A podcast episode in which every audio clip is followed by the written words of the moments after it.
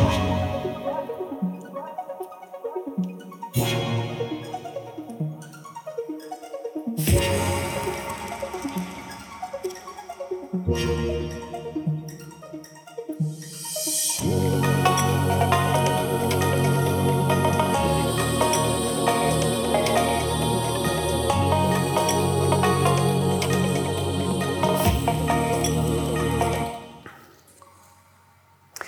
Hej och välkommen till dagens Hotspot. Idag ska vi tala om ett begrepp som kanske inte många har hört, men som påverkar kyrkans syn på mission och relationen till omgivande idéströmmar i samhället. Vi ska tala om Missio Dei. Vad är det? Och hur har det förändrats begreppet under andra halvan av 1900-talet? Idag har det fått ett helt nytt innehåll som förändrar mycket av kyrkans missionsverksamhet. Inte minst hur påverkar vår verksamhet när staten börjar ställa krav på vad vi ska undervisa genom att betinga statliga bidrag. Till min hjälp har jag Mats Jan Söderberg, direktor Folk och språk, en organisation som jobbar med bibelöversättningar och alfabetisering. Mats Jan har också 16 års erfarenhet av att vara missionär i före detta Sovjetunionen. Välkommen! Hej Mats Jan! Hej, Kul att ha det här. Eh, vi ska ju tala idag om Missio Dei och hur det påverkar synen mellan kyrkan och samhällstrender. Och eh, missionsarbete, rent missionsarbete traditionellt och socialt arbete. Och du har ju en lång erfarenhet av att vara missionär. Kan du berätta lite grann om din bakgrund som missionär? Jag började väl jobba med mission, jag var väl drygt 20 år. 1990, början på 90-talet med eh, så murarna full, eller muren full. Och vi började åka in och, på teamresor eh, till forna Sovjet, Baltikum, Ukraina. Och så småningom 92 då, så flyttade vi med familjen till Ukraina. Då. Ett väldigt tidigt skede efter det nya Ryssland och de här nya staterna. Ja, Det var helt nytt. Ja. Det var ju till och med så att Ukraina hade inte ens en ambassad i Sverige så att vi fick ju ha ryskt visum de första Mm. åren. Då. Så det var andra tider kan man lugnt säga. Mm. Det, det, var, det var som att åka in i en svartvit film på den tiden. Ja. Eh, Och, eh, samtidigt så fanns det en otrolig andlig hunger då efter de här 70 åren utav kommunism och en, liksom ett sug efter evangeliet. Då, som gjorde att vi såg ju liksom en fantastisk eh, utveckling. Då i, vi bodde först i Mariupol, lite känt nu från den här konflikten i Donbass. Ehm, och vi var kvar där i nio månader och vi, vi såg... Jag var ung och erfaren, 27-28 år gammal. och så efteråt så då bara tänker jag, hur gick det till? Liksom? Församlingen växte från ett 80-tal till tror jag 500-600 på nio månader. Wow. Och det var ju inte för att jag var liksom så väldigt skicklig utan det var nog mera Guds nåd. Liksom. Och situationen såklart. Ja, just det. Så att, ehm, och sen har vi ju då... Det är också så här, vi, vi, vi tänkte ju väldigt annorlunda. Vi, vi åkte, min fru, vi hade ett barn, var tre Var ni var ganska nygifta på den tiden, eller? Ja, vi gifte oss 88 då, så vi Ah, varit okej. gifta några år. Vi hade ett barn, han var tre.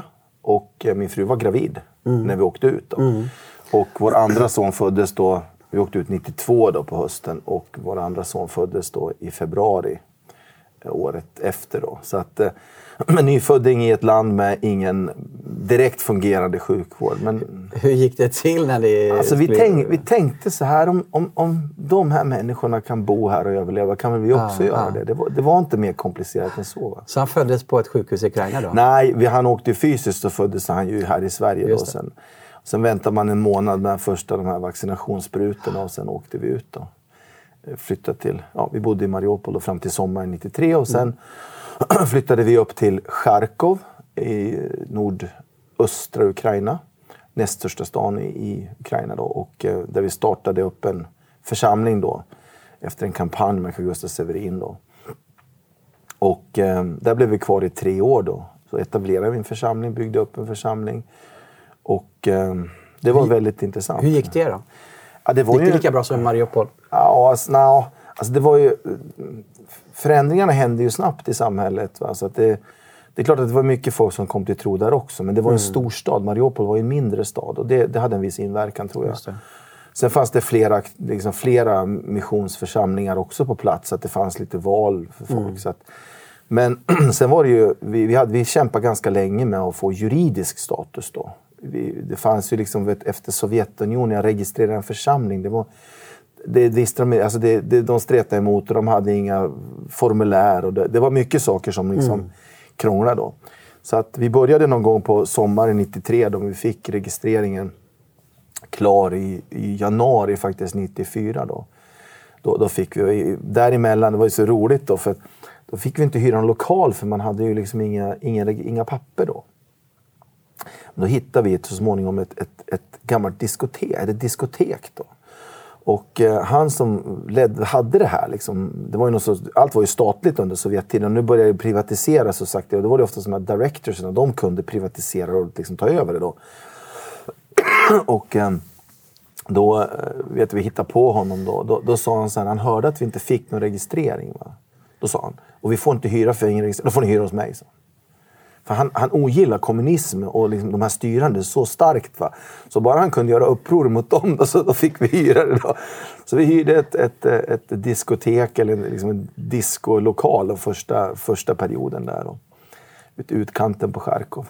Att, eh, under den perioden när vi inte hade någon registrering. Då. Sen blev det lite lättare när vi fick den. Då. Just det, just det. Sen flyttade du vidare, eller du och din fru Anna-Kajsa, då, mm. eh, till ett annat land. Var, ja, vi, det var så här att vi, vi, egentligen så hade jag en längtan från början. Alltså jag har upplevt tidigt en, en kallelse till Mellanöstern, till det vi kallar muslimvärlden då mm. och i synnerhet till Azerbajdzjan. Mm. och eh, det hade, hade liksom lagts i mitt hjärta sedan långt tillbaka då, när det dök upp på nyheterna. Men sen så öppnade sig dörren för oss att åka till Ukraina och då, då åkte vi. Vi tog liksom, tänkte det, det, vi åker. Det var, fanns ett behov och vi hade en kallelse och jobbade som missionärer. Men sen 94 då så blev vi inbjudna då att komma till den Livets Ord som jag jobbar för. Mm. Eh, fick ju en inbjudan att komma och göra ett, starta ett arbete i Azerbajdzjan. Och eh, då började det 94 med en kampanj med Carl Gustav igen. Då. och sen flyttade Per och Abbe Åkvist dit som missionärer. Och de var kvar där i ett och ett halvt år och sen kände de att nu ville de dra vidare. Per var ju mera evangelist och ville liksom jobba med det.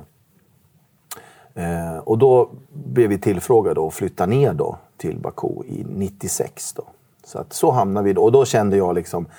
jag, hade, jag hade rest genom Azerbajdzjan en gång tidigare med tåg. Eh, det var väldigt speciellt. Genom hela Kaukasus, 93 var det. Med en bibelskoleelever då, som skulle till Georgien. Så att jag hade varit i Baku, liksom passerat igenom då en gång tidigare.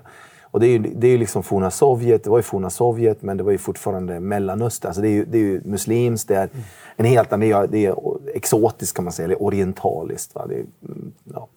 Så att då flyttade vi dit 96 och eh, blev kvar där i nio år. Då. så där föddes våra andra två barn. Och de föddes ju igen i Sverige men mm. växte upp där. Då, så att, eh. Det var en speciell omständighet också när ni var där. Ni, ni fick inte ha gudstjänst efter ett tag också va? Ja, ganska, det är ganska tidigt då. Vi hade gudstjänster. Vi flyttade dit eh, rent praktiskt så tog vi över, vi tog över församlingen i juni 96. Mm. så flyttade Per Abi hem och sen åkte jag hem. Eh, jag var där själv då först och sen så åkte jag hem och så hämtade vi familjen och så kom vi tillbaka. Och någon gång i oktober, november då tappade vi liksom våra sista lokal som vi kunde ha. Sen fick vi hyra sporadiskt runt om. För det hade skrivits artiklar i tidningen då i princip varje vecka. hade stått någonting om oss då. Eh, inte så snälla saker kan man väl säga då. för att liksom hetsa upp då myndigheterna för att stänga ner oss då.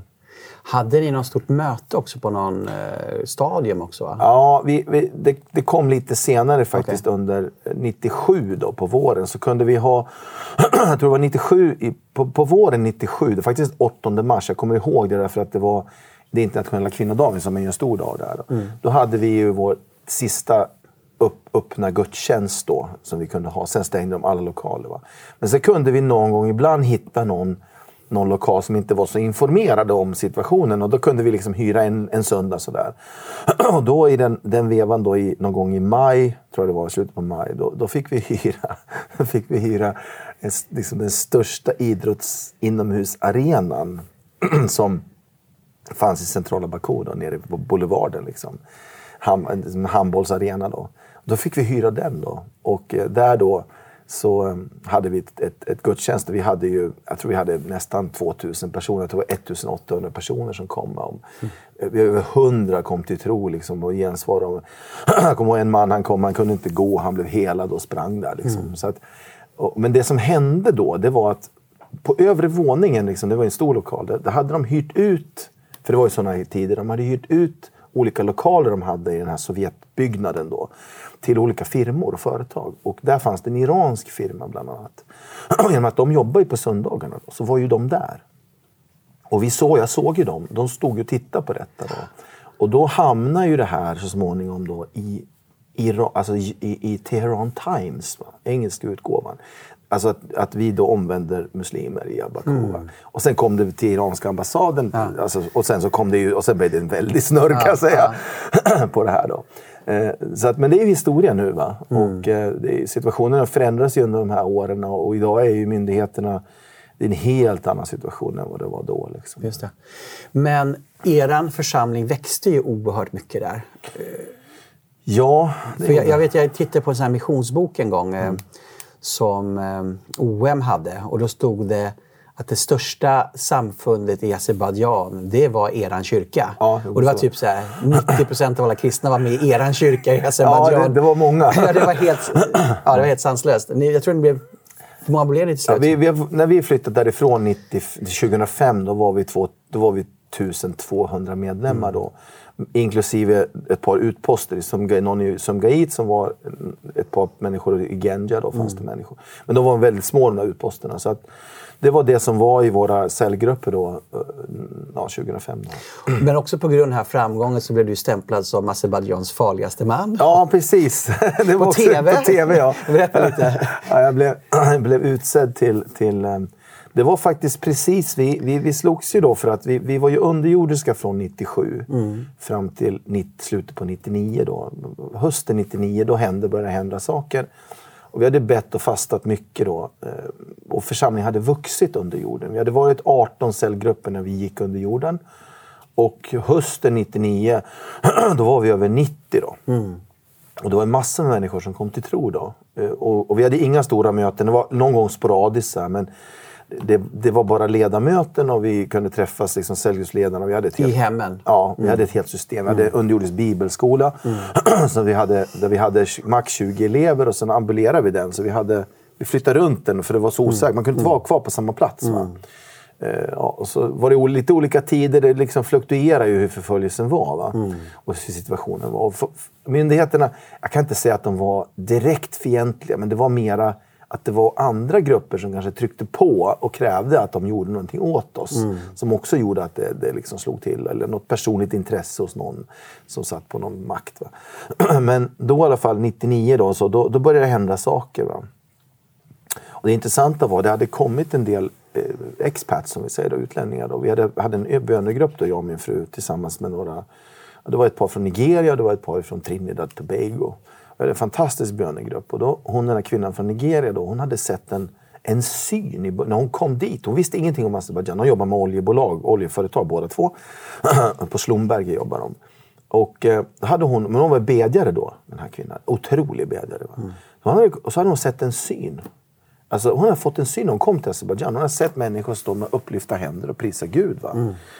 Och så hon, hon tog det som att här finns det en församling där man lyfter händerna och prisar Gud. Så hon började ju leta då mm. efter det här och hittade ju ingen. För det fanns ju inga, väldigt få öppna möten. Hon mm. kom till en församling som kunde ha möten då, men de var mera evangelikala, baptistiska. Så det var inte riktigt... Hon var ju karismatiker. Stillsamma. Ja, stillsamma mm. då. Så, det, så det här är inte vi då. Och eh, då hade Herren talat till henne och sagt mm. innan, innan året är slut så kommer du stå i ett sånt här möte början på 99. Då.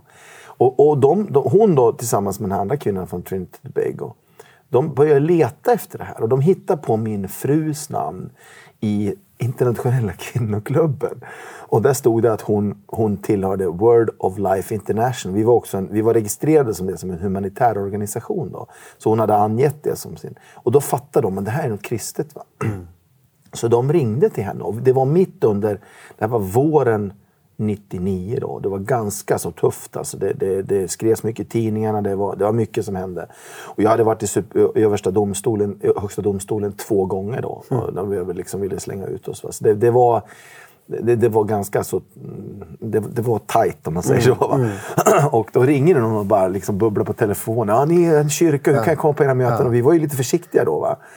Eh, och, eh, men då träffades de på något café då, för Kajsa ville ju kolla vad det här var för en. Och då förstod vi att de, var ju bara, de bara kom utifrån och visste inget om situationen. Och eh, då började vi träffas och be. Och då hade hon fått den här visionen. Då.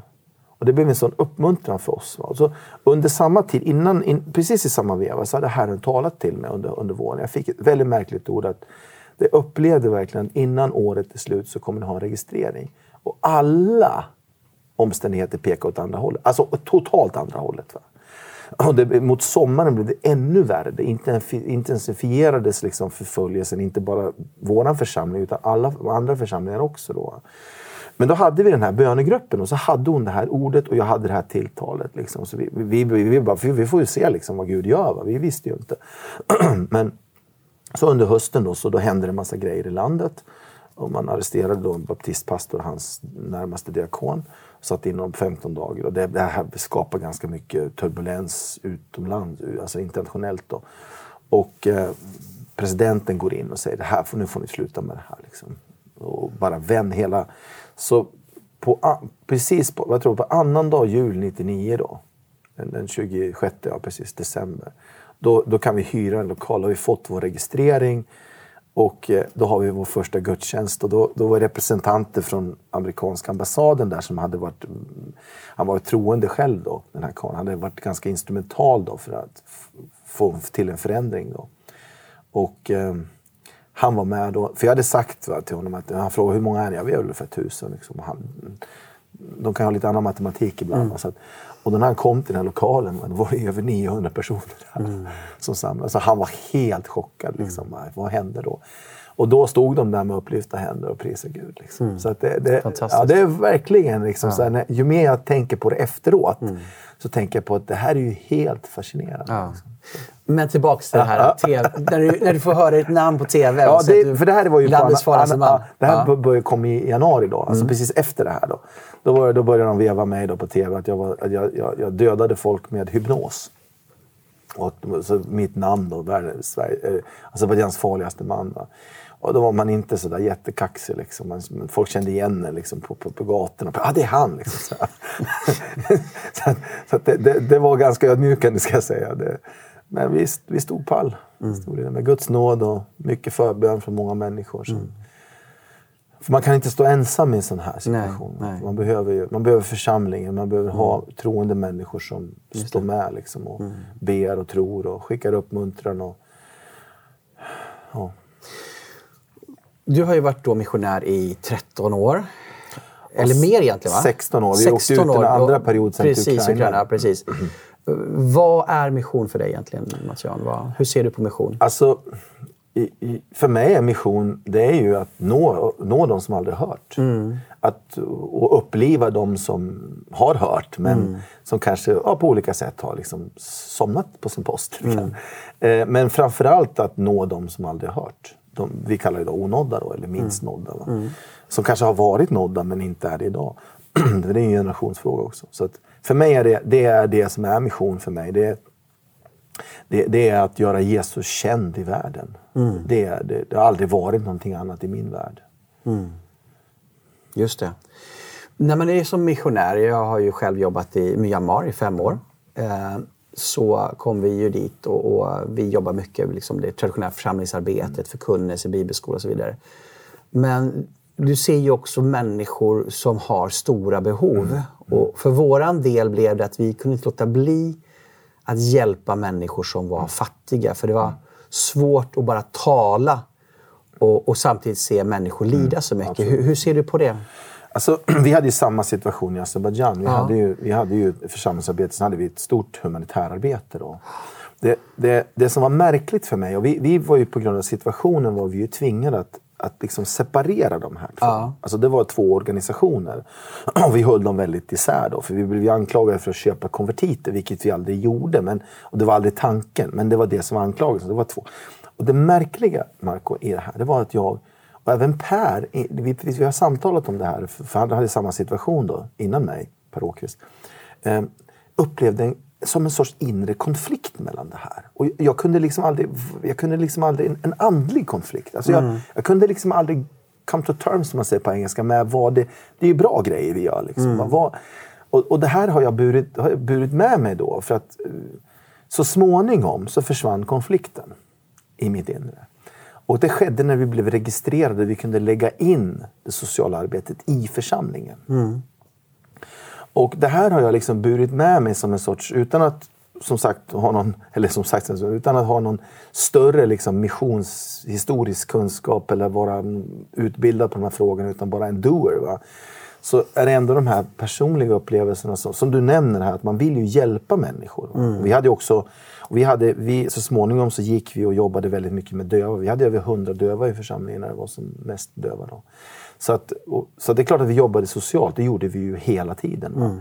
Men, men konflikten i mig som ledde arbetet, den försvann när det inkorporerades i, som, en, som en del i församlingen. Mm. Varför? Ja, det är klart att jag kommer till Sverige mm. efter de här åren och eh, socialt arbete, att hjälpa utsatta människor, människor i periferin i samhället. Det, har liksom varit en självklarhet mm. i alla år som församlingsledare. Det, mm. det, det, är liksom som en, det, är en icke, har varit en icke-fråga för mig. Mm. Alltså att, mm. men däremot så bar jag med mig den här känslan. Varför var det en sån här konflikt? Och det var inte bara hos mig, det var flera runt mig som upplevde samma sak. Eh, så att jag bar med mig det och då, sen, efter några år i Sverige så träffade jag på det här begreppet då, missio dei. Då. Och jag är, jag kan säga det, väldigt... Alltså, jag är ingen missionsteoretiker. Alltså jag, vi vill bara lägga till också att du idag fortsätter jobba med mission. Absolut. Ja. Du jobbar på Folk och språk. Mm. Eh, internationellt heter den Wycliffe som mm. egentligen handlar om bibelöversättningar ja. och alfabetisering. Ja, ja. Eh, nämn lite kort bara om det, så vi får en bakgrund till, ja. till det här Missio Dei också. Ja, alltså Wycliffe är ju en, en väldigt stor organisation mm. som sysslar med bibelöversättning och inte bara generellt utan vi, vi, vi fokuserar ju på de språken som inte har någon bibelöversättning. Vi reviderar inte biblar utan vi, vi gör nyöversättningar. Och till, saken, till sakens natur hör att de språk som inte har någon bibel, de har ju inte heller någon skriftspråk. Så att vi är också en lingvistikorganisation. Så att vi, vi måste ju liksom börja med att göra alfabetet och, och sen göra korta grammatik och göra grammar books och dictionary, alltså ordböcker. Det, alltså, jag, jag har ju träffat på folk på Wycliffe när jag själv mm. jobbade i Myanmar. Och, Alltså det var ju extremt begåvade människor. Ja. Alltså de pratade ju dialekter och små stamspråk perfekt efter bara några år. Ja, ja. Hur många som jobbar inom Wycliffe? Alltså jag tror att vi, det är lite olika siffror, det beror på hur man räknar. Men i runda tal 30 000. 30 000 världen över som jobbar med bibelöversättningar och alfabetisering. Det är 2000, två, idag har vi 2700 pågående översättningsprojekt. Om man räknar i lågt så räknar man 10 i varje projekt och så är det 27 000. Men sen är det ju supportpersonal, annan typ av personal. Mm. Som, så jag tror att det är väldigt konservativa siffror om man räknar 30 000. Just det. Du är direktor för, för Folk och språk, eller Wycliffe som mm. heter internationellt. Du mötte ett begrepp som heter Missio Dei. Ja, alltså min, min bakgrund var ju att jag var ju församlingsplanterare, evangelist. Ja. Alltså, och jag har aldrig studerat, alltså jag har aldrig förkovrat mig i mission. Alltså för mig var det, det här ska man göra. Va? Mm. Förkunna evangeliet. Och mm. Gör jag det i Sverige eller så gör jag det, jag gjorde det mm. internationellt. Då. Så jag har aldrig liksom studerat missionshistoria. Eh, jag har gått några utbildningar men jag har liksom aldrig direkt varit så intresserad utav det heller. Inte antropologi, antropologi heller, utan ganska okunnig. Alltså rent teoretiskt. Men jag hade ju ganska lång erfarenhet av att jobba i de här miljöerna. Mm. Eh, så när jag kommer in i en Wycliffe som är en väldigt akademisk miljö, positivt också. Alltså det, är mycket utbildade människor som du mm. säger. De, alla har ju, man måste kunna lingvistik, man måste kunna de här sakerna, självklart. Då, då, då stötte jag på det här begreppet missio dei då. Och jag kan ju bekänna det för dig då, att jag hade liksom aldrig hört det förut. Va? Och det var ju pinsamt, för det här var ju bread and butter i liksom deras värld. Va? Och eh, det är Guds mission jag lärde mig liksom själva tanken bakom det. Att man, att man det, det som, Fadern sänder sonen, Fadern och sonen sänder anden och anden sänder församlingen. Liksom. Det, det, och bakgrunden till det här är ju är att man mellan krigen då, Karl Barth och hans gubbar, fundera, Vem är Karl Barth? Ja, det är en teolog som, som funderar över missionsbegrepp. Från Amerika eller? Eh, jag vet faktiskt inte vad. Schweizare kanske? Schweizare, ja. ja. precis. Och han, han börjar prata om missio ecclesia, då, församlingens mission. Vad är den för någonting? Och det här har ju med kolonialiseringstiden att göra såklart. Vem äger missionen? Mm. Är det samfunden? Är det kyrkan? Alltså, vem äger själva uppdraget? Va? och då kom man fram till det här begreppet då, så småningom missio dei då, då, myntades. Eller de tog väl upp det från någon kyrkohistorisk bakgrund. Och eh, så började det här liksom, att gud, det, det är ju bra. Va? Och mm. i synnerhet mot canvasen utav det andra världskriget när det varit mycket konflikter på det som traditionellt var, eller som då var missionsländer. Där tyskar och engelsmän plötsligt liksom har jobbat ihop då i olika länder nere i Afrika. Mm. Och så har de krigat med varandra. Hur, alltså, det var ju väldigt komplex liksom, eh, det är lätt att då, om den ena har ägandeskap här, mm. och då blir det en konflikt. Så då måste man flytta fram det. Och då... Men det är väl också att eh, de eh, kommer från olika samfund. Ja. Någon har sitt högkvarter i Houston, Southern Baptist ja, och någon har högkvarteret i Philadelphia i Stockholm och, och någon engelsk mission, katolik, ja. anglikaner. Alltså vems uppdrag är vi på? Är, ja. vi, är vi på uh, uppdrag eller pingstvännernas mm. eller är det Guds uppdrag? Mm. Är inte också det här lite bakgrund Absolut är det det. Det är ja. det, det jag menar då. Att, att det är det som är själva, alltså att vi, vi, vi, kan, vi kan jobba tillsammans för att vi... Vad har, förenar oss? Ja, vad, vi förenar i att Gud har sänt oss. Ja, liksom. Sen har vi lite olika inriktningar och sådär. Mm. Så det var ju, det var ju själva bakgrunden. I Villingen då, tror jag 52, en missionskonferens då, som man drog ihop det här. Då kom det här begreppet upp då. Eh, och eh, den stora liksom, merparten av de som var med där, de har inte förändrat missionsbegreppet. Det är församlingen, det är församlingens uppdrag för att kunna Kristus att ha gudstjänst, göra lärjungar, utbilda människor i kristen tro och så vidare, lärjungaskap. Eh, det var en, men det fanns en, en falang då, man säger, en, en viss del utav det då, som var en teolog. Som, det här har jag upptäckt på senare år. Då, mm. Som heter Heukendick. Och jag kan inte så mycket om det, men jag har läst människor som kan mycket om det. Mm. Eh, som då började då använda det här begreppet och vidga det. Och, och väldigt förenklat kan man säga att det, det, det, det första, fall, första inriktningen det är kristocentrisk trinitariansk förståelse. Det vill säga mm. trinitariansk för att det är treenigheten som sänder. Va? Mm. Och sänder församlingen. Och den är kristocentrisk, alltså det är Kristus i centrum hela tiden. Vi av missionen. Av missionen. Mm. Och, det, och, det, och det representeras av församlingen. Då, mm. här. här uppstod det en, en, en, annan tanke, den man kallar för kosmocentrisk trinitariansk. Mm. Där kosmos, skapelsen, blir då det centrala istället. Va? Och man flyttar liksom bort fokuset. Man kallar till och med, man, Heukendick sa att man, man, när man gör församlingen till missionens centrum så är det ett illegitimt centrum. Varför då? Ja, därför att han menar att Gud är större liksom än församlingen. Då. Mm. Och eh, det, det, förändrar liksom hela, hela, hela sättet att, att, att se på hur Gud verkar i världen. Och det här, jag mötte de här i två olika sammanhang, det här begreppet missio och jag märkte då hur man fyller samma ord med olika betydelser. Och jag mm. kunde inte sätta fingret på det här. Nej. Jag liksom, vad är det för någonting i det här ordet? Va? Och det tog, ett, det tog några år kan jag säga. Jag har funderat på det i några år tills faktiskt i, nu så sent som i våras, förra, år, förra våren, så läste jag en artikel då, som liksom drog ut de här längre linjerna. Då, eh, i, i det här begreppet. Och då, då kunde jag liksom på något sätt sätta fingret på det jag hade... Det förklarade ja. hur man fyll, varför man fyllde begreppet med två mm. olika betydelser. Just det, och då blir ju, om man har då en kosmocentrisk syn, då verkar Gud i världen. Han begränsas ja. inte av kyrkan Nej. och han kan agera utanför kyrkans medvetenhet. Mm, mm. Där då kyrkan missar vad Gud gör. Ja och där då världen kan upplysa kyrkan precis. och ja. Missionera kyrkan ja, hur de ska tänka. Mm. Det var precis det som Heukendick sa. Sa okay. ibland måste, måste världen, för att kyrkan är så trög och konservativ, så måste världen då, då verkar liksom Gud i världen. Då. Mm. Och så måste världen då missionera kyrkan. Då. Han kallar ju till exempel eh, kyrkan för ett appendix, en blindtarm. Alltså det är starka ord. Va? Väldigt starka ord. Ja. Och, Nästan ett överflöd. Alltså. Ja. Behövs inte ens. Nej, så att, så att det är världen då som ibland, alltså enligt honom, då, sätter agendan. Mm. Och, och, och, och, kyrkan liksom ska, måste lyssna till liksom hur, vad världen har för agenda. Då. Mm.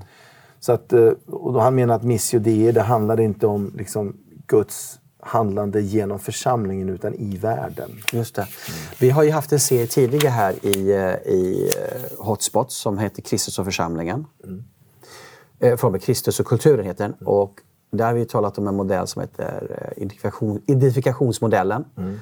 Som just handlar om att hitta så mycket gemensamma nämnare som möjligt med den nuvarande kulturen. Mm. Och eh, hur det också har gjort kyrkan väldigt sårbar för eh, tidsandan och samhällstrender. Mm. Och det är väl det här som då sker också utifrån den här Huygens syn på den kosmocentriska synen. Ja, säkerligen är det ja. det det kommer ifrån folkkyrkan och när det är homogen, alltså när, när alla i ett samhälle är så, liksom kristna tillhör ja. kyrkan. Va? Då, då, då blir det ju en syn. Då. Sen så ändrar han också, det är också viktigt att säga, de, de börjar prata, alltså man ändrar begreppet evangelisering, man börjar prata om humanisering istället. Okay. Eh, alltså att vi ska skapa ett humant samhälle. Och alltså det, det, jo, mänskliga rättighetsfrågor. Ja, alltså det, det blir då samhällsförbättrande verksamhet. Just det. Och, och, det är ju inget fel med det, men, men det frågan, frågan man måste ställa sig då är det, är det det som Gud har kallat oss till? För mig mm. blev det liksom en så här, ja visst, vi, det är klart vi påverkar ju samhället. Vi mm. påverkade mm. samhället och människors sätt att se på...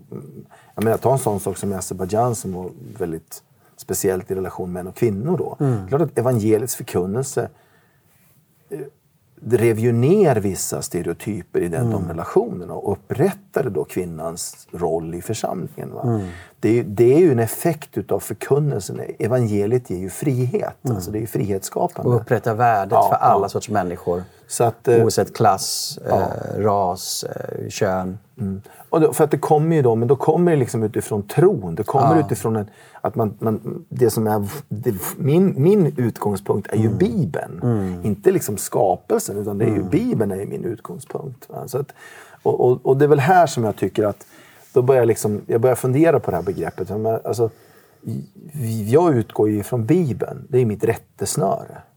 Alltså jag måste ju, allt som jag råkar ut för måste jag ju väga emot Bibeln. Ah. Och, och, här tycker jag ju att begreppet liksom blir, det blir liksom luddigt. Va? I, i, i den här, alltså, plötsligt så innefattar liksom, mission kan innefatta väldigt mycket saker liksom, som är humaniserande. Då, mm. Och i sig inte är dåliga. Nej, absolut Men det blir centrum kanske i verksamheten. Ja, och, och det är det här som jag då... Ja, det, här är, det här har varit min egen resa lite grann mm, i mm. att kunna förstå då en värld som jag inte förstod när jag kom tillbaka till Sverige. Det är liksom min resa tillbaka efter så många år utomlands. In, mm. För det här var aldrig några... För mig var det aldrig de här några issues. Liksom. Det var inga problem när jag jobbade som missionär. Det där var det icke-frågor mm. överhuvudtaget. Utan man utgick ifrån att människor, människan, Bibeln, människan är jämställt skapad. Alla människor har ett värde och mm. livet är heligt och alltihopa det här. Mm. Så det var aldrig några, det var liksom inga frågor egentligen. Utan det var självklarheter. Och sen så kom jag till Sverige och upptäckte att det här är liksom jättestora frågor då som man liksom plötsligt lyfter fram. Eh, och där man ska forma sin verksamhet utifrån det där. Och, och det blir väldigt, för mig blev det lite, det blev en liksom liten kamp där om man säger så. I mm. mitt inre då. Mm. Men, men det här blir ju då, för dig då som missionär tidigare så utgick du från Kristus och då blir det ja. naturligt att göra de här sakerna. Ja, men här börjar man ju då bygga utifrån vad är det just nu, vilka frågor dra, eh, finns i världen som trender mm. och så tar man det in i kyrkan istället. Mm. Så du har, du har en annan utgångspunkt och en annan auktoritet. Mm. Helt annorlunda, ja. Jag tänker på, vi hade ju tidigare program här med, med Johan Sundén, då, programmet om eh, 68-kyrkan. Mm. Och då fanns ju en biskop eh, i Stockholm som hette Lars Karlsson. Mm. Och eh, på den här tiden då, på 60-70-talet, då var det ju liksom kommunismen i tredje världen var ju liksom det var ju Guds verk. Va? Han ja. sa själv då att Maos Kina var Guds rike på jorden. Ja, det är starka ord alltså. Det är väldigt starka ord. Men, men, men, men har man då tänkande med missio det, mm. med att Gud verkar i världen och att kyrkan då är trög. så kanske man ser att man, man har en större syn då än kyrkan. Man kanske ser mer än de här trångsynta då, som bara predikar och gör hjälparbete med väldigt Kristuscentrerade. Eller hur, hur ser man på sig själv? Hur ser man på andra kristna? Alltså jag, jag, vet ju inte riktigt hur man ser men jag tror att 60-talet var ju väldigt definierande då. Med, Ja. med, med att Villingen hade ju, det hade ju skapat de här tankeströmningarna. För, det jag har varit ute efter det är att se liksom, vad är det för tankeströmningar. Alltså, är det bara att vi, vi har hamnat där vi har hamnat eller finns det liksom en teologisk tanke bakom det? Och det Mm. finns oftast en teologisk tanke och det är den här kosmocentriska synen. Då. Och, och under 60-talet då framförallt så växte ju Lausanne-rörelsen fram. Och Mm. den, den var ju, det här visste inte jag om till helt nyligen faktiskt. Så, så okunnig har jag varit. eh, Så om, Lausanne-rörelsen som då startades av Billy Graham. ja, initierades absolut. som är ju en av de mest kända kristna personligheterna under 1900-talet. Eh, han initierar Lausanne-rörelsen 74, eller? Alltså det började 65 i Berlin. Då, 65, med okej. Berlinmötet. Det var liksom startskottet. För Som en man- motreaktion mot det här Missio Dei som var kosmocentriskt, eller? Ja, alltså emot... Alltså att man, man byter... Jag tror att...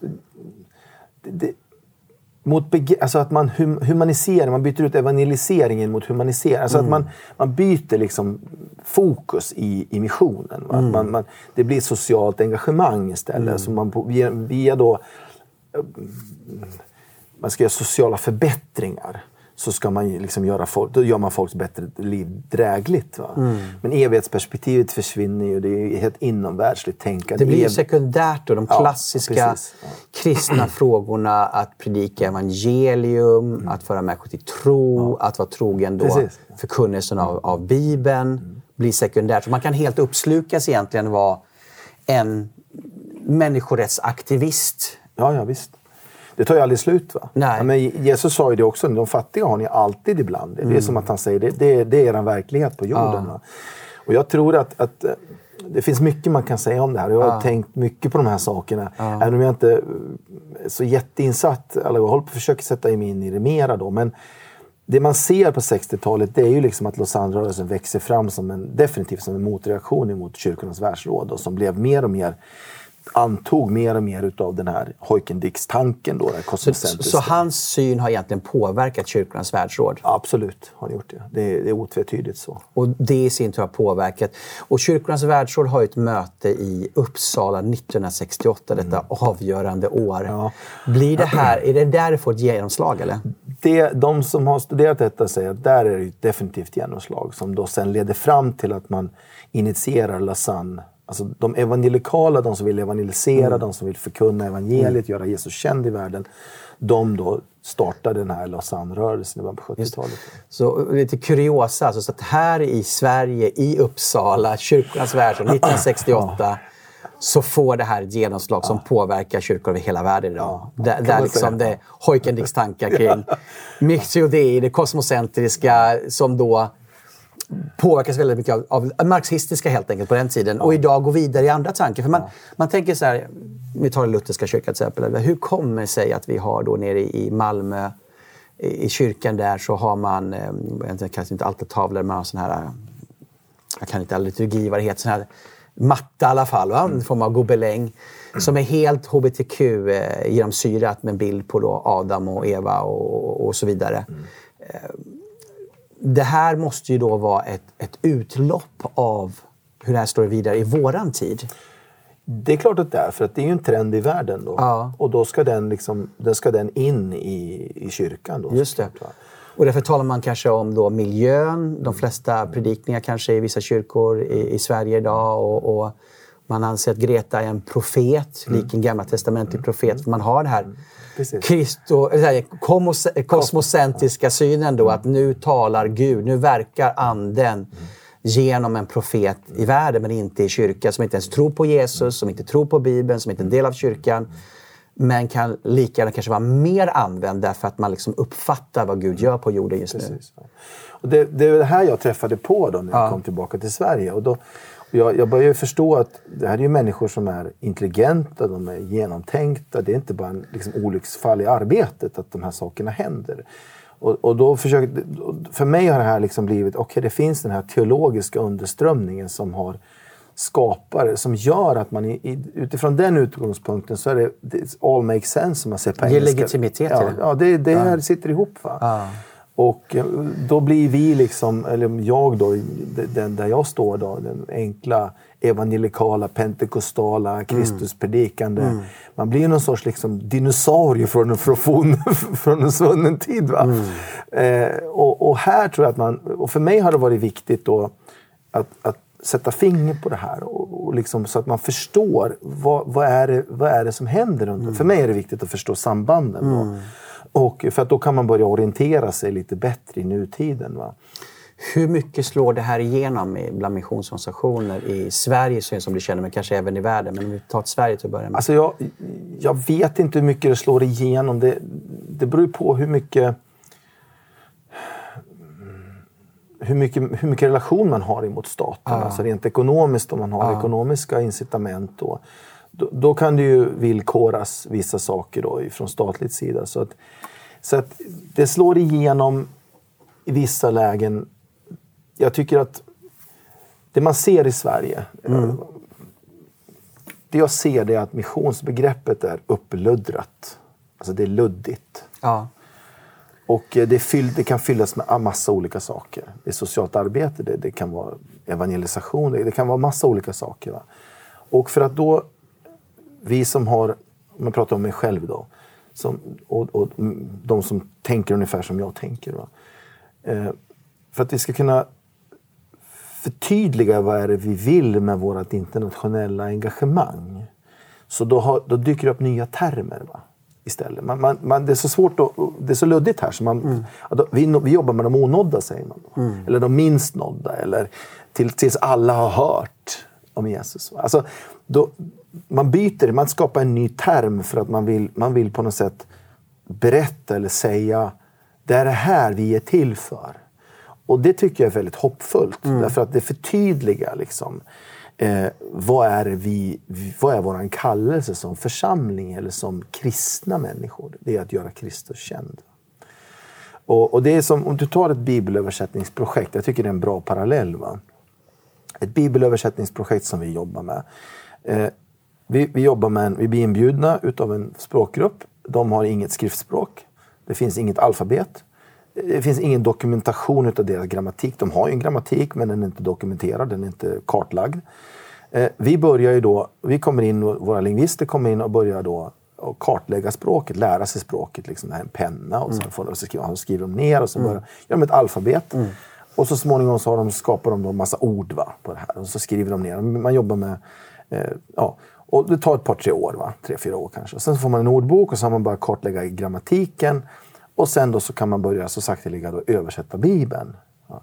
Parallellt med detta så jobbar man ju med såklart med läsklasser. Alltså mm. man, man, så fort du har skapat detta så måste du ju lära de här människorna som använder sitt språk så måste de ju kunna läsa på sitt språk också. Mm.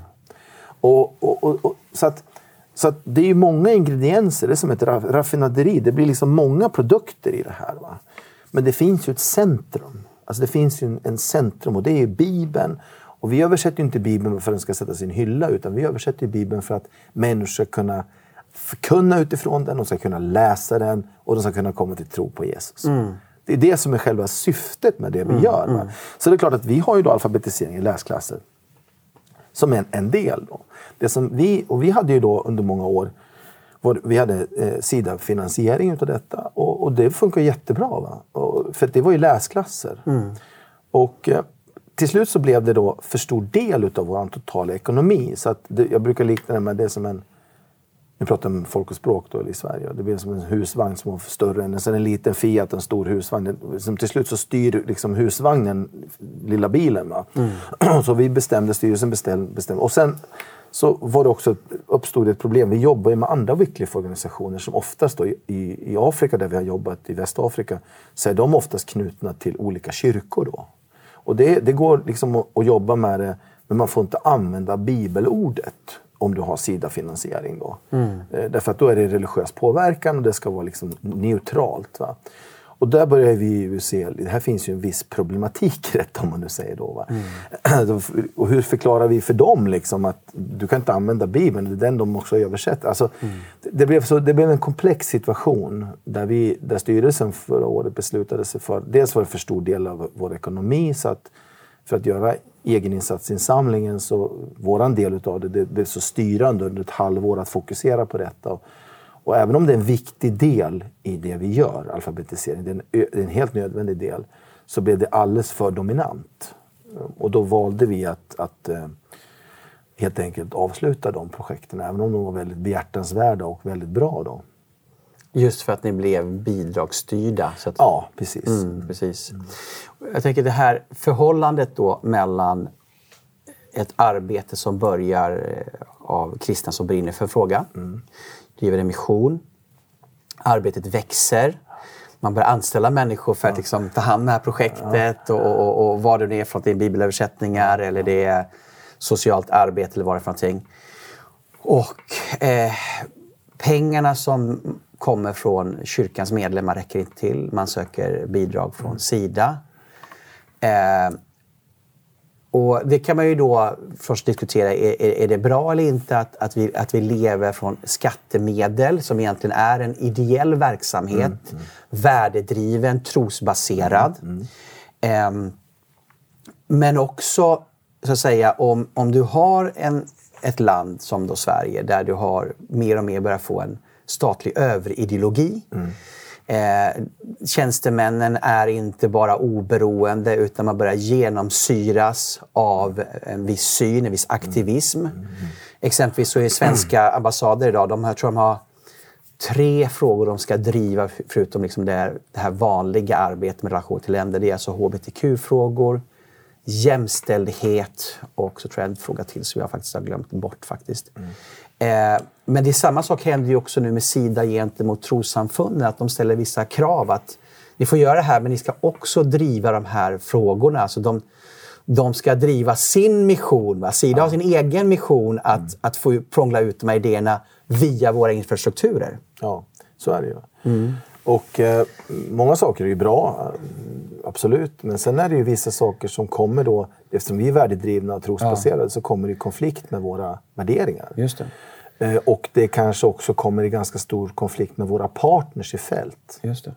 Och då ska, det här var någonting som jag själv reagerade ganska liksom, starkt. Och när vi talar om partners så är det inte bara då, eh, dina syskonorganisationer utan det är kanske framförallt de lokala kyrkorna ja, och de samfunden jobbar med. Ja, absolut. Vi, vi, jobbar ju, vi jobbar ju bara med par. Vi har ju inga liksom, egna projekt Nej. som vi driver från Sverige utan vi, vi jobbar ju med någon nationell organisation eller nationella troende eller en församling, kyrka. Det ser olika ut på olika platser.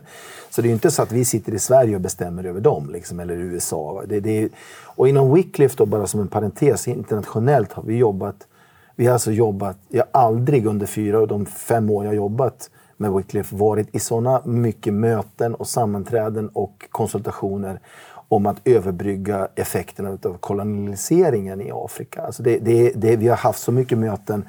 Det, möta, det, det handlar om att mötas i ansiktshöjd eller ögonhöjd, liksom ingen över den andra.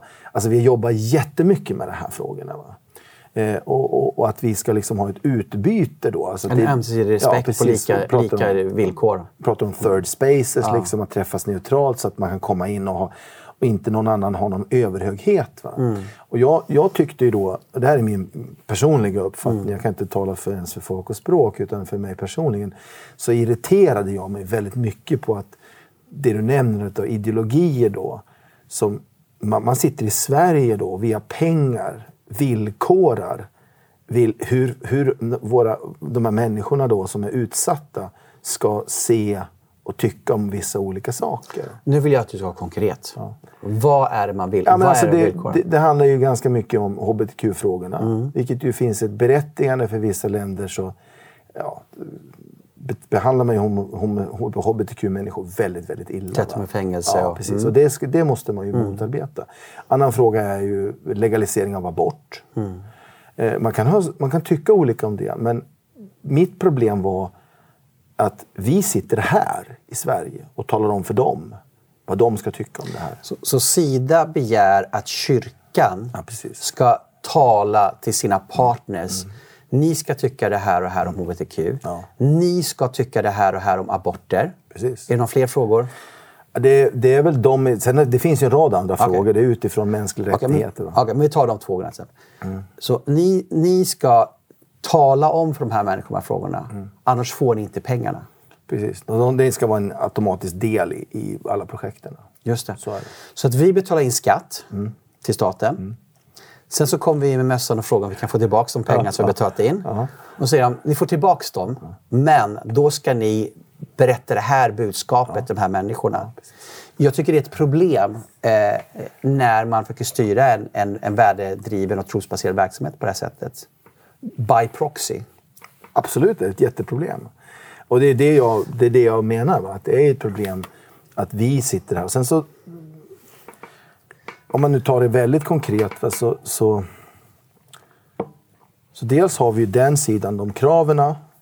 Och sen har vi oss då, som, eller i det här fallet vi som jobbar med det här. Mm. Och sen har vi då den, de mottagande partnerna här. Eh, och sen har vi också då de som ekonomiskt stöttar oss här. Ja. ja vi har ju 90-konto. Så det betyder att de som stöttar verksamheten, ja. de har ingen aning om att ni har fått alltså, de här kraven? En, enligt 90-kontonas 90 krav ja. så ska ju vi, vi, ska ju, vi ska tillgodose, som det står bokstavligen, eh, givarens intention. Just det. Alltså så står det. Va? Så ja. att, eh, så att de, när han ger, vad har han för intention här? Alltså, och, så att någonstans så kände jag så här liksom att någonstans måste jag mörka något.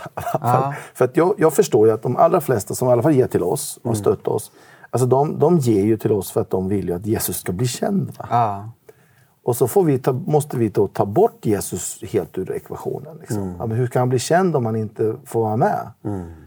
Alltså, och, och, där blev det liksom en, för oss en konflikt så att vi, vi avslutade det hela. Då. Det. Och, eh, det är ju tragiskt. Vi har en del, hel del människor som lärde sig, faktiskt tiotusentals människor som läste, lärde sig läsa då via de här ja. läsklasserna som vi fick. Och vissa projekt har vi kunnat fortsätta egenfinansiera då. Ja, men, men, men, det är inte det slutligen ändå där vi måste hamna, att vi måste egenfinansiera vår egen verksamhet? Om, om, man, om man villkorar på det här sättet. För jag tycker att på ett sätt är det ju orättvist mot givarna. Mm. Alltså, de tror att vi bara ger ut... Eh, vi har bara en verksamhet mm. som vi säger att vi har. Mm. Sen så säger, tvingas vi säga saker och ting mm. som inte givarna överhuvudtaget tror att vi säger det, vill vi säga eller vi själva vill säga. Mm. Mm. Sida ger pengar och så ändå vill vi att folk ska få Bibeln. Ja. Så på något sätt så lever man liksom mot båda håll en liten oärlighet. Det blir spänt. Det blir spänt, ja. Kan man lugnt säga. Ja. I alla fall för mig blev det det. Och jag, jag, jag har gett ett... Alltså för mig personligen då som... Eh, alltså, jag är inte till salu.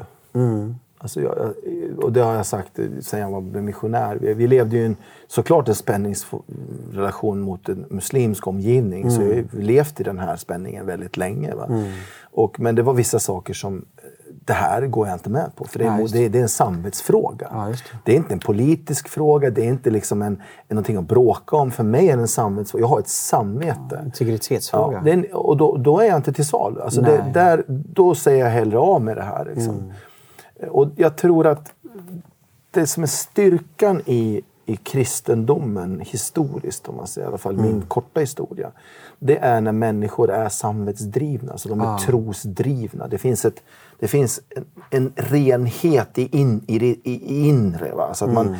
Det här är det som driver mig. Det är Kristus, det är Jesus som driver mig i, i det jag gör. Va? Och det är så allting har börjat. Ja, mm. Människor då har ju volontärt begett sig ut under stora risker. Både du och jag har ju åkt ut. Eh, och tagit väldigt stora risker med våra familjer. Vi levde i en militärdiktatur och hade ett underskott av finansiering. Och, och, och ni, både direkt efter Sovjetunionens fall, både i Ukraina och Azerbajdzjan. Alltså, det var inga lätta situationer. Men vi drevs av en inre övertygelse mm.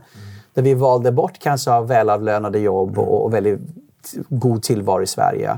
Och människor som avstod sina pengar mm. att stötta det här då men, men utifrån den här drivkraften så blev det ju faktiskt väldigt fina arbeten som ni gjorde i Ukraina och Azerbajdzjan. Och, och vi har då jobbat med, med, våra, ja, med våran då, entreprenörsskola och så. Att, att där på något sätt är det, är det väldigt det är väldigt, på ett sätt, om man kan använda ordet rent, eller vad ska jag säga. Alltså, det är väldigt helt. Mm. Mm. Eh, när det växer upp och det blir fler anställda, man behöver mer finansiering, så börjar man fråga om pengar från Sida. De börjar villkora. Mm. Eh, och då kanske det finns en inre konflikt även i ledarskap som jobbar med det här som är anställda. Att det här känns inte bra. va? Mm. Men om man avsäger sig de här bidragen och man kanske är fem anställda på kontoret och måste skära ner två tjänster och det är Stina och det är Kalle och de är småbarnsföräldrar och vi köpt en villa i, i, i Bromma eller i eh, Björklinge i Uppsala och, och, och, och vi vet att och vi säger nej till de här bidragen så måste vi också eh, säga upp deras anställning. Att Där blir det kanske också en, en, en, en spänning och en konflikt där man kanske då gärna säger ja, vi gör det här. Och, och, och, och så kanske man då överger att man har liksom, en verksamhet som helt håller ihop samhällsmässigt. Ja, absolut är det så. Vi var i den situationen. Ja. Jag tror samtidigt att man, det är en rannsakans tid. Va? Därför Ja. att blir, blir, det, blir min, man säger min, mitt kall, om det blir min profession, Just det. så har jag ett annat problem. Ja. Så Alltså blir, det, blir, det, blir det ett jobb för mig, då har jag ett annat problem. Så sen, sen har vi några stycken som en del har privilegiet att kunna liksom syssla heltid med det som är mitt kall. Men om jag inte kan det. Jag hade en period där jag jobbade liksom bara, i, bara i ett, annat företag under några år efter vi kom hem från Azerbajdzjan till jag åkte ut till Ukraina. Eller när, vi kom hem från Ukraina, mellan Ukraina andra gången och till nu i Folk och språk så hade jag några år jobbat i ett annat företag. Va? Och, men jag fortsatte predika för det. Jag reste ju runt i världen ändå. Va? Så att, alltså för, mig, för mig handlar det tyvärr, alltså, även om det, det är jättejobbigt med de där situationerna du beskriver, men samtidigt så är det en rannsakans tid. Då, då alla i verksamheten får rannsaka sig helt enkelt. Varför Va- sysslar varför med det? sysslar jag med det här? Liksom, va? det, det, och det är någonting som den här världen aldrig kommer att förstå. Det finns Nej. liksom inga arbetsrättsliga grejer som kan förklara detta. Utan det är, det är bara inte en gott- födkrok utan Nej. en kallelse. Ja. Och framförallt ett missio som är kristuscentrerat. Ja, ja. Och jag är sänd va, Mm. ute i den här världen och göra Kristus sänd. Så att jag, jag, för mig är lackmuspappret när det gäller mission, Mm. det, det är liksom, är Kristus i centrum. Ibland Mm. så pratar vi om att ja, men vi, vi ger ju liksom mat till de fattiga. Ja, men vem blir, alltså, om, om, om jag gör det i Jesu namn som Herren har befallt mig att göra, då blir han förhärligad. Om jag gör det i Matians namn så blir jag förhärligad. va? Eller om jag gör det i en organisations namn, då blir den förhärligad. Så att jag tror att det finns enkla lackmuspapper som kan liksom värde, värdesätta hur, hur, vi, hur, hur trogna är vi mot den kallelsen som Herren har gett oss. Och, och det kan ju vara jättejobbigt. att vi, man går igenom vad ska man säga, saker i sitt per- personliga liv som är rannsakande. Ingen, det finns inga löften i Bibeln om att livet med Jesus ska vara enkelt. Men det är härligt. Ja. Och, men det finns ett uppoffrande, det finns en smärta. Det, finns ett, det, det bara är så. Liksom. Som Jesus sa att den som är, vill vara min lärjunge måste ta sitt kors varje dag och bära det. Alltså det finns en självuppoffring, det finns ett lidande. Och att man har Kristus i centrum, både för sitt eget liv, sin verksamhet och, och, och eh, organisationen. Eller Missio Dei som är Kristuscentrerad. Ja, och har vi inte det så blir det alltid problem på något sätt. Va? Och, och vi har liksom jobbat in oss nu i samhället. Vi kanske kommer en tid nu där det har gått för långt. Som det har gjort tidigare i kyrkan. Så det har funnits faktiskt i 2000 år. Vi har varit här förut. Och vi har alltid överlevt. Och vi har alltid överlevt. Vi kommer göra det nu också. Va? Men ibland måste man kanske liksom dra sig undan. Man får lida smälek, man får bli illa omtalad, det, det, det får bli förföljelse och så vidare. Men vi, slutligen så måste vi alltid vara trogen Jesus Kristus. Jag Mats Jan, tack så jättemycket för... Vi har jättemycket att prata om, men vi ska hålla vår tid. Jättekul att ha dig här. Och här. eh, jag vill eh, tacka dig för att du har lyssnat på oss. Hoppas det har varit givande att få lyssna på Missio Dei som kanske förklarar en del av trenderna i kyrkan idag. Tack så jättemycket att du har lyssnat och vi är tillbaka nästa lördag också.